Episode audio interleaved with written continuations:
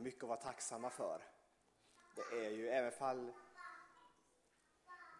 kanske stämningen en sån här dag blir lite så här tung och man står under korsets skugga på något sätt så är det ju ändå en segerns dag. Hur omvänt den är i världens ögon så är det ju en segerns dag. Men segern kom till ett pris. Ehm, Vi har valt idag att, att använda, eh, inte Bibelns texter på ett sätt för att måla upp den här vandringen mot korset och Jesu död. Ibland kan det hjälpa med andra ord på samma sak. Eh, så jag vill avsluta med en sista text och sen ska ja, försöka predika över korset, korsets budskap.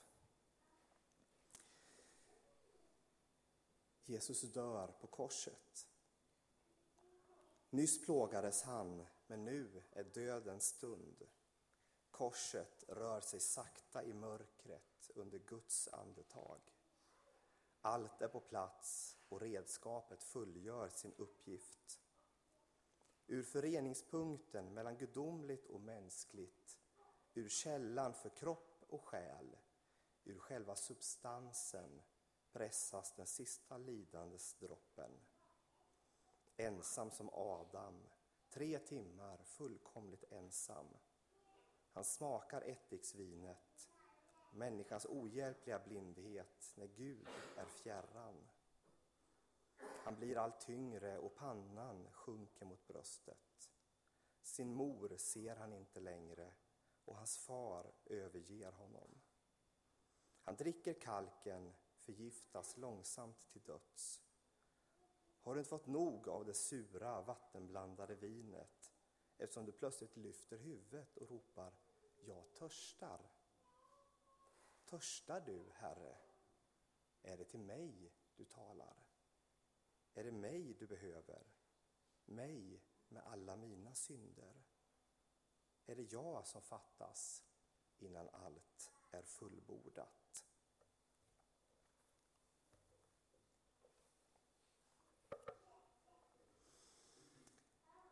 Det du och jag som fattas innan allt är fullbordat. Så är det. Budskapet, korsets budskap, vill jag mena, det är ett gemenskapsbudskap. Så önskar Gud gemenskap med människan, att han går den enda vägen som var möjlig för att upprätta gemenskap mellan Gud och människa.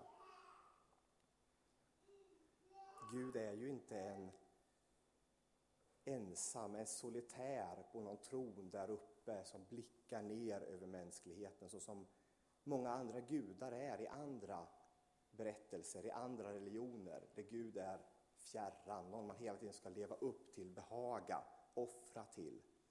Som kanske slänger till en en ynnest om man har bett eller offrat tillräckligt mycket. Sån är inte Gud. Gud är Immanuel, som han fick namnet, Gud med oss. Inkarnerad, köttblivande. Han blev som en av oss för att få den yttersta gemenskapen med oss.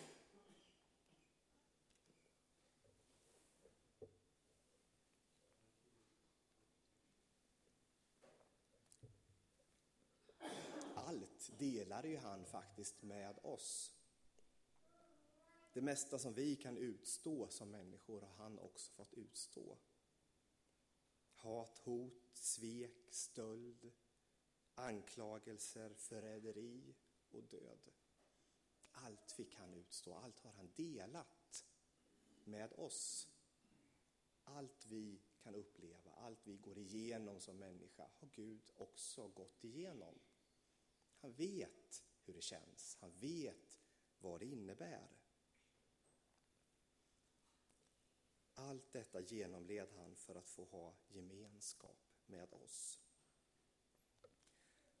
Och så tydligt det visas också i Jesus sista stund när förhänget i templet, själva symboliken för den här väggen mellan det allra heligaste, där Gud bodde i templet, och där människan fick vara. när det revs i tur och öppnades vägen. Och märk vad det står, uppifrån och ner revs det. Det var Gud som rev isär det. Inte människan nerifrån och upp, utan det var Gud som kom ner och rev i det uppifrån och ner. Gud vill ha gemenskap med dig. Gud törstar efter dig. Höga visan är en sån här bok som åtminstone förr i tiden predikades väldigt mycket ifrån. Det finns till och med de som påstår att över hela kristna historien från början till idag så är Höga visan en av de böcker som det predikats mest ifrån under kyrkans historia. Det kanske vi har förstå, svårt att förstå ibland. Hur, när hörde vi senast en predikan från Höga visan? Det är inte så vanligt idag. Men det som Höga visan gör är ju illustrerar så tydligt den här relationen. Och man har ju alltid läst in i Höga visan bruden och brudgummen som kyrkan och Kristus. Och den relationen. Men där talas det om att om bruden, kyrkan, som en källa för brudgummen. Du är trädgårdens källa, utbrister brudgummen. Är det jag som fattas törstar Gud efter mig. Är jag en källa för Gud? Det vi har, djup ropar till djup, utropar salmisten i en känd psalm. Vi har ett djup som Gud törstar efter. Han vill ha gemenskap med oss. Och han gick den vägen, korsets väg, för att få den gemenskapen, upprätta den gemenskapen mellan Gud och människa. Så korset är ett budskap om gemenskap. Men korset är också ett budskap om kärlek och de här hänger ju ihop. Gemenskapen och kärleken. Ingen har större kärlek än den som ger sitt liv för sina vänner, sa Jesus i sitt avslutningstal till lärjungarna. Jesus är det budskapet. Han är det kärleksbudskapet. Han utförde den yttersta kärlekshandlingen och han i sig själv är budskapet. Hur han levde, hur han behandlade människor. När vi följer Jesus och läser hans möte med människor. Och, och, har ni tänkt på det, hur han alltid möter en och en? Det, Bibeln, det mesta av Bibeln är ju möten mellan, Gud, mellan Jesus och en människa. Jag tycker det är så starkt. Det är inte bara en samling av vishetsord eller tal och, och, och det här han på något sätt, jag menar, när Jesus stod till exempel och inför en skara, nog hade han kunnat hela alla där i en bön som fanns i den folkskaran. Men det gjorde han inte. Han helade människorna en och en. Han mötte människorna en och en och befriade dem.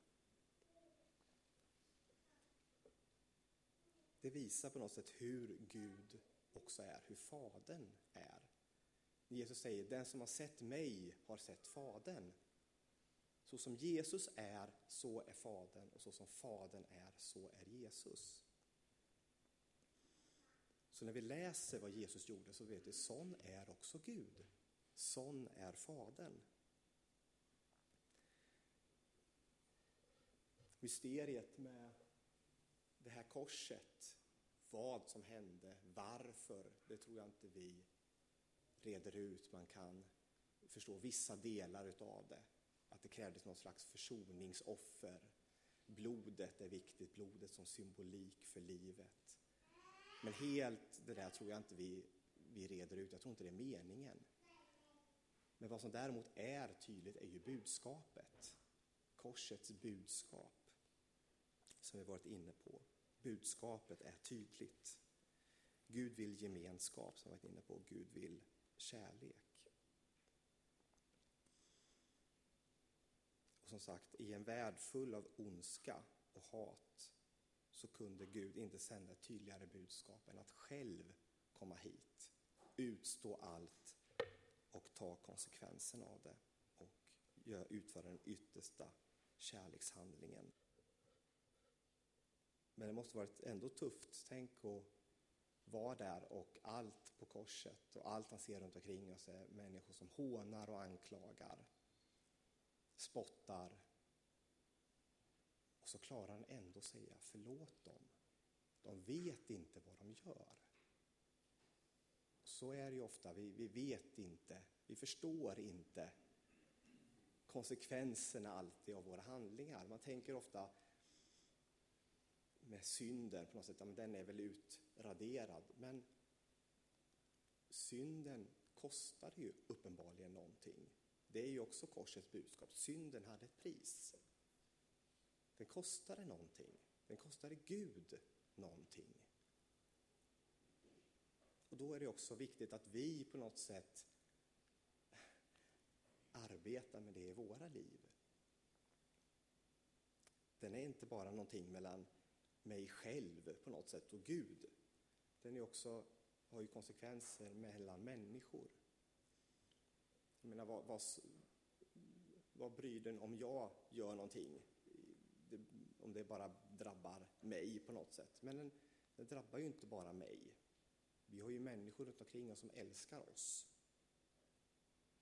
Ta exempel missbruk och grejer. Om man liksom, ja men det, det är ju min, min ensak, mitt liv. Nej, det finns människor som älskar dig. Det finns människor som älskar mig. Synden har konsekvenser och den hade ett pris.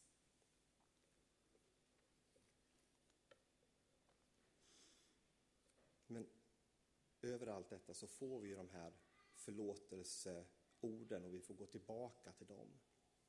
Och vi får ta dem verkligen till oss för den Gud har förlåtit, han är verkligen förlåten. Vi får ju inte fasta heller i att grotta ner oss i det där, utan man får, man får lämna synden och gå vidare, blicka framåt. Det är bara den som ligger kvar som blir dömd, om man säger så. Utan det är inte den som reser på sig. Den får ju gå vidare och bli förlåten.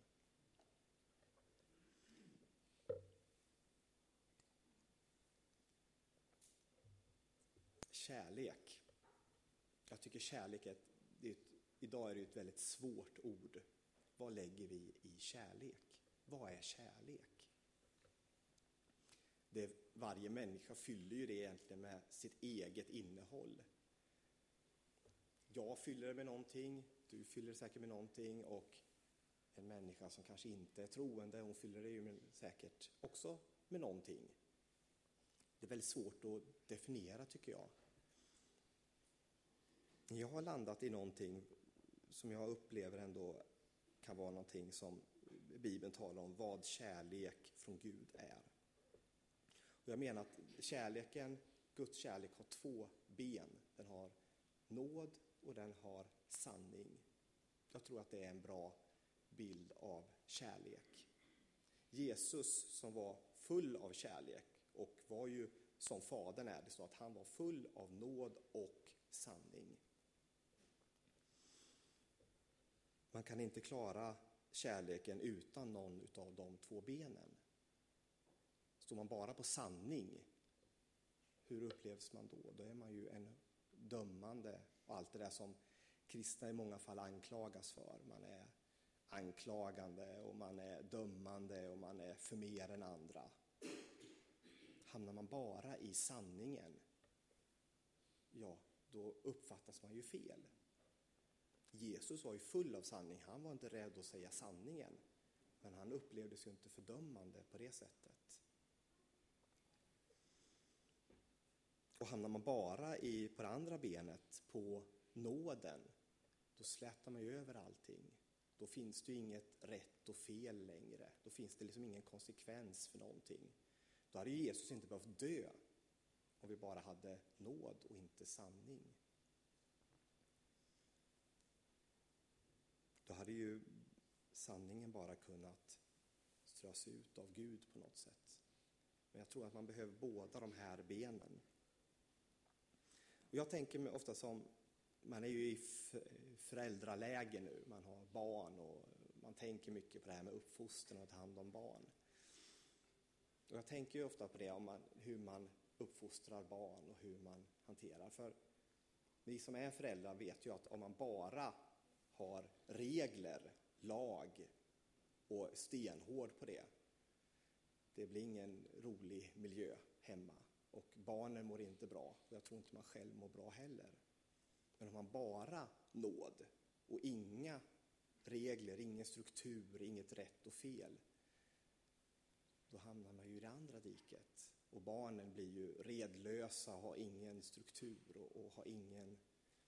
Man behöver ju den här balansen. Och det är ju någonting som jag tycker, som man ser så tydligt också, hur Jesus hanterar den här balansen på ett så fantastiskt sätt. Jag fick nyligen förmånen att predika över den här kvinnan som smorde Jesu fötter. Hon som kom in hos eh, Simon fariseens och smorde hans fötter. Och det som slog mig när man eh, läste den är att Jesus efter han hade tillrättavisat farisén, det var ju farisén han tillrättavisade för hans tankar. Och sen när kvinnan då, när han vände sig mot kvinnan sa han, du är förlåten. Gå i frid. Han gav henne nåd. Jag tänker mig på något sätt att, att han hanterar den här balansen. När ska han komma med sanning? När ska han komma med nåd? Och när ska han komma med på något sätt bådadera? För det finns ju berättelser i Bibeln som, som illustrerar hans olika sätt att hantera. Vi har den här kvinnan som smorde Jesu fötter. Hon behövde nåd. Hon behövde få höra att hon var okej, okay. hon dög. Och Gud ville ha gemenskap med henne och han förlät henne. Hon, hade redan, hon visste sanningen. Hon visste säkert redan gott och väl i sig själv vad som var rätt och fel. Men det behövde inte hon höra en gång till.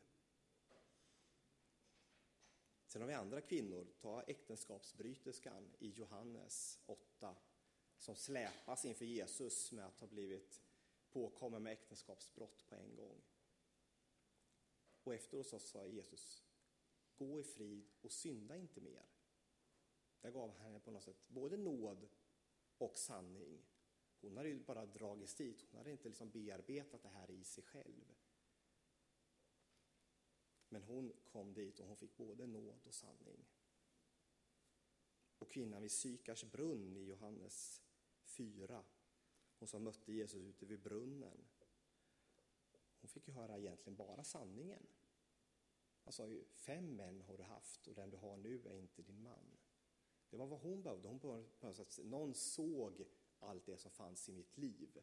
Han såg det, fick, hon, fick, hon fick höra sanningen. Och det var vad hon behövde.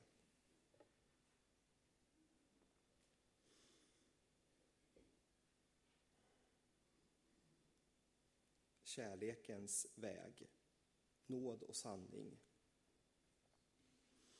Det var ju också, man märker hur viktigt det är, för vi har ju talet innan Jesus lider, går in i, sin, i, i Jerusalem och lider, så har han det avslutningstalet till lärjungarna och det handlar ju i princip helt och hållet om kärleken. Det måste ha varit viktigt, själva sammanfattningen, vad han lärde när han ville sammanfatta sitt budskap för lärjungarna, så var det kärleken han talade om. Om ni älskar varandra så ska världen se att ni är mina lärjungar. På något sätt märker man också att det här budskapet var någonting som följde med lärjungarna. Och i den tidiga kyrkan, Johannes skriver ju mycket om det i sina brev. I första Johannes talar det nästan uteslutande om, om kärleken. Och det de ska veta om den första kyrkan, den första tiden, är ju att de hade ju inte Bibeln. Kanske hade de ett brev eller två av Paulus. De kanske hade något litet fragment av någonting, något nedtecknat. Och de hade lärjungarnas undervisning. Men de hade ju inte Bibeln, den kom ju till, sammansattes ju senare och blev ju spridd först Eh, egentligen efter boktryckarkonsten. Innan dess var det ju bara möjligtvis universiteten och någon kyrka som hade tillgång till Bibeln. Men det den första lärjungaskaran fick verkar ju ha varit väldigt tydligt den här kärlekens budskap, det Jesus sammanfattade till sina lärjungar och de tog med sig. Och man märkte ju vilken kraft det fanns i det budskapet, i kärlekens budskap. Hur den här lilla skaran av lärjungar kunde växa så enormt i det här romarriket, där de hade egentligen alla odds emot sig. En hel, ett helt kejsarmakt sen som försöker utrota dem. Och gång på gång på gång men ändå på något sätt överlever den här lilla skaran och bara växer. Det måste ju funnits en enorm, och det vet vi idag också, det finns ju en enorm sprängkraft i, den här, i det här kärleksbudskapet. Så till och med hela romarriket störtades ju delvis på grund av det kristna budskapet. Och det som man märker sen när historien går framåt, när kyrkan på något sätt kommer in i maktens korridorer, så märker man att det här budskapet är inte lika tydligt längre. Det blir inte lika lätt att följa.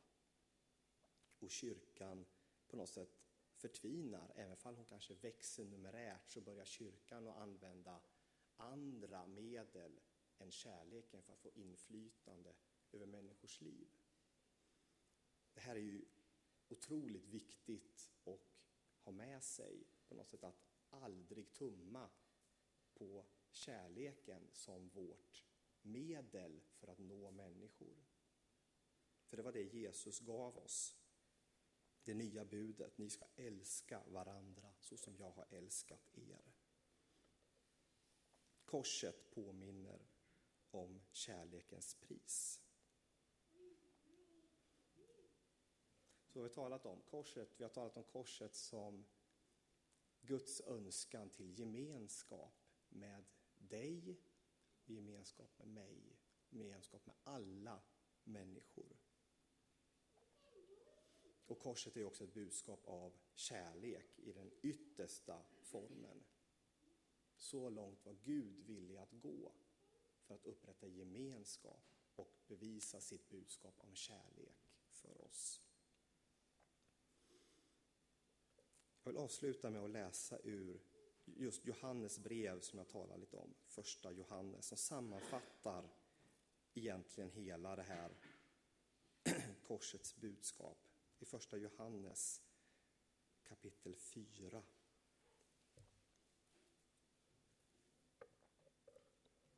Första Johannes 4 och vers 7.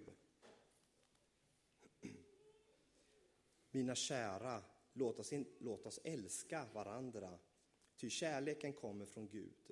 Och den som älskar är född av Gud och känner Gud. Men den som inte älskar känner inte Gud, eftersom Gud är kärlek. Så uppenbarades Guds kärlek hos oss. Han sände sin enda son till världen för att vi skulle få liv genom honom. Detta är kärleken, inte att vi har älskat Gud, utan att han har älskat oss och sänt sin son som försoningsoffer för våra synder. Mina kära, om Gud har älskat oss så måste också vi älska varandra. Ingen har någonsin sett Gud, men om vi älskar varandra är Gud alltid i oss och hans kärlek har nått sin fullhet i oss. Han har gett oss sin ande och därför vet vi att vi förblir i honom och han i oss. Vi har sett och kan vittna om att Fadern har sänt sin son att rädda världen.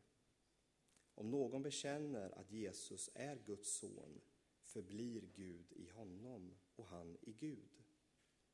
Och vi har lärt känna den kärleken som Gud har till oss och tror på den. Gud är kärlek. Och den som förblir i kärleken förblir i Gud och Gud i honom. I detta har kärleken nått sin fullhet hos oss, att vi kan vara frimodiga på domens dag. Ty sådan som Kristus är, sådana är vi i denna världen. Rädsla finns inte i kärleken, utan den fullkomliga kärleken fördriver rädslan. Ty rädsla hör samman med straff, och den som är rädd har inte nått kärlekens fullhet. Vi älskar därför att han först älskade oss. Om någon säger jag älskar Gud men hatar sin broder, då ljuger han. Ty den som hatar sin broder, ty den som inte älskar sin broder som han har sett kan inte älska Gud som han inte har sett. Och detta är det bud som han har gett oss, att den som älskar Gud också ska älska sin broder.